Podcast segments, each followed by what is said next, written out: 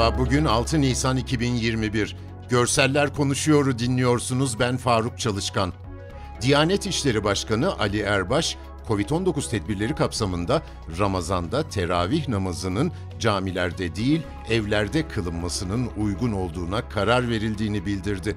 Erbaş, vatandaşlardan oruçluyken aşı olabilir miyiz şeklinde çok yoğun bir şekilde sorular aldıklarını bildirerek Din İşleri Yüksek Kurulumuzun da açıkladığı gibi gerektiğinde oruçluyken aşı olmakta bir sakınca yoktur ve bu durum orucu bozmaz açıklamasında bulundu.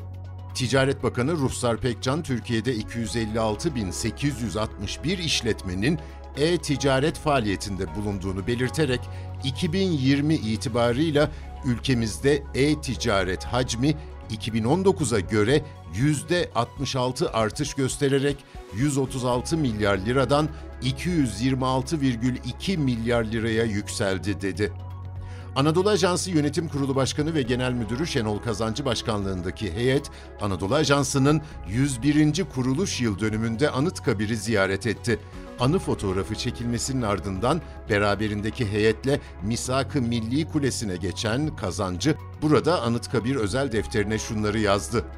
Büyük Önder Atatürk, milli mücadele yıllarında Anadolu'nun sesini dünyaya duyurmak amacıyla kurduğunuz Anadolu Ajansı bugün 101 yaşında yurt içinde 86 ve yurt dışında 41 merkezdeki ofisleriyle sadece Anadolu'nun değil, tüm mazlum coğrafyaların sesini 13 dilde duyurmaya devam eden Anadolu Ajansı, milletinden aldığı bu görevi Türkiye Cumhuriyeti var olduğu sürece devam ettirecektir.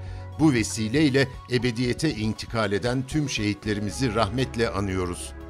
İzmirli dalgıçlar Anadolu Ajansı'nın 101. kuruluş yıl dönümünü 30 metre derinde açtıkları pankartla kutladı. İzmir'in Karaburun ilçesinde 9 Eylül vapuru batığını seçtiler bunun için.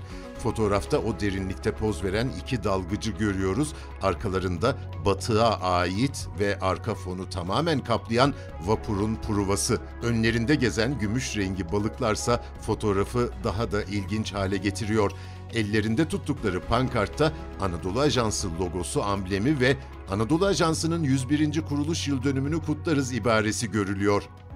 Yamaç paraşütü tutkunlarının yeni gözdesi Van Gölü koyları olmuş.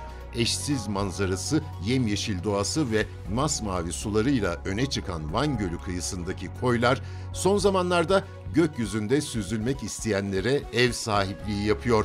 Bir fotoğrafta bembeyaz bir yamacın yani karla kaplı bir arka fonun önünde kırmızı paraşütüyle süzülen bir kişiyi görüyoruz. Bir başka fotoğrafta mor ve sarı renkli paraşütüyle süzülen biri var. Tam gölün üzerinde yani altında mavi yeşil karışımı göl, karşıda yeşil beyaz kahverengi karışımı kademe kademe dağlar.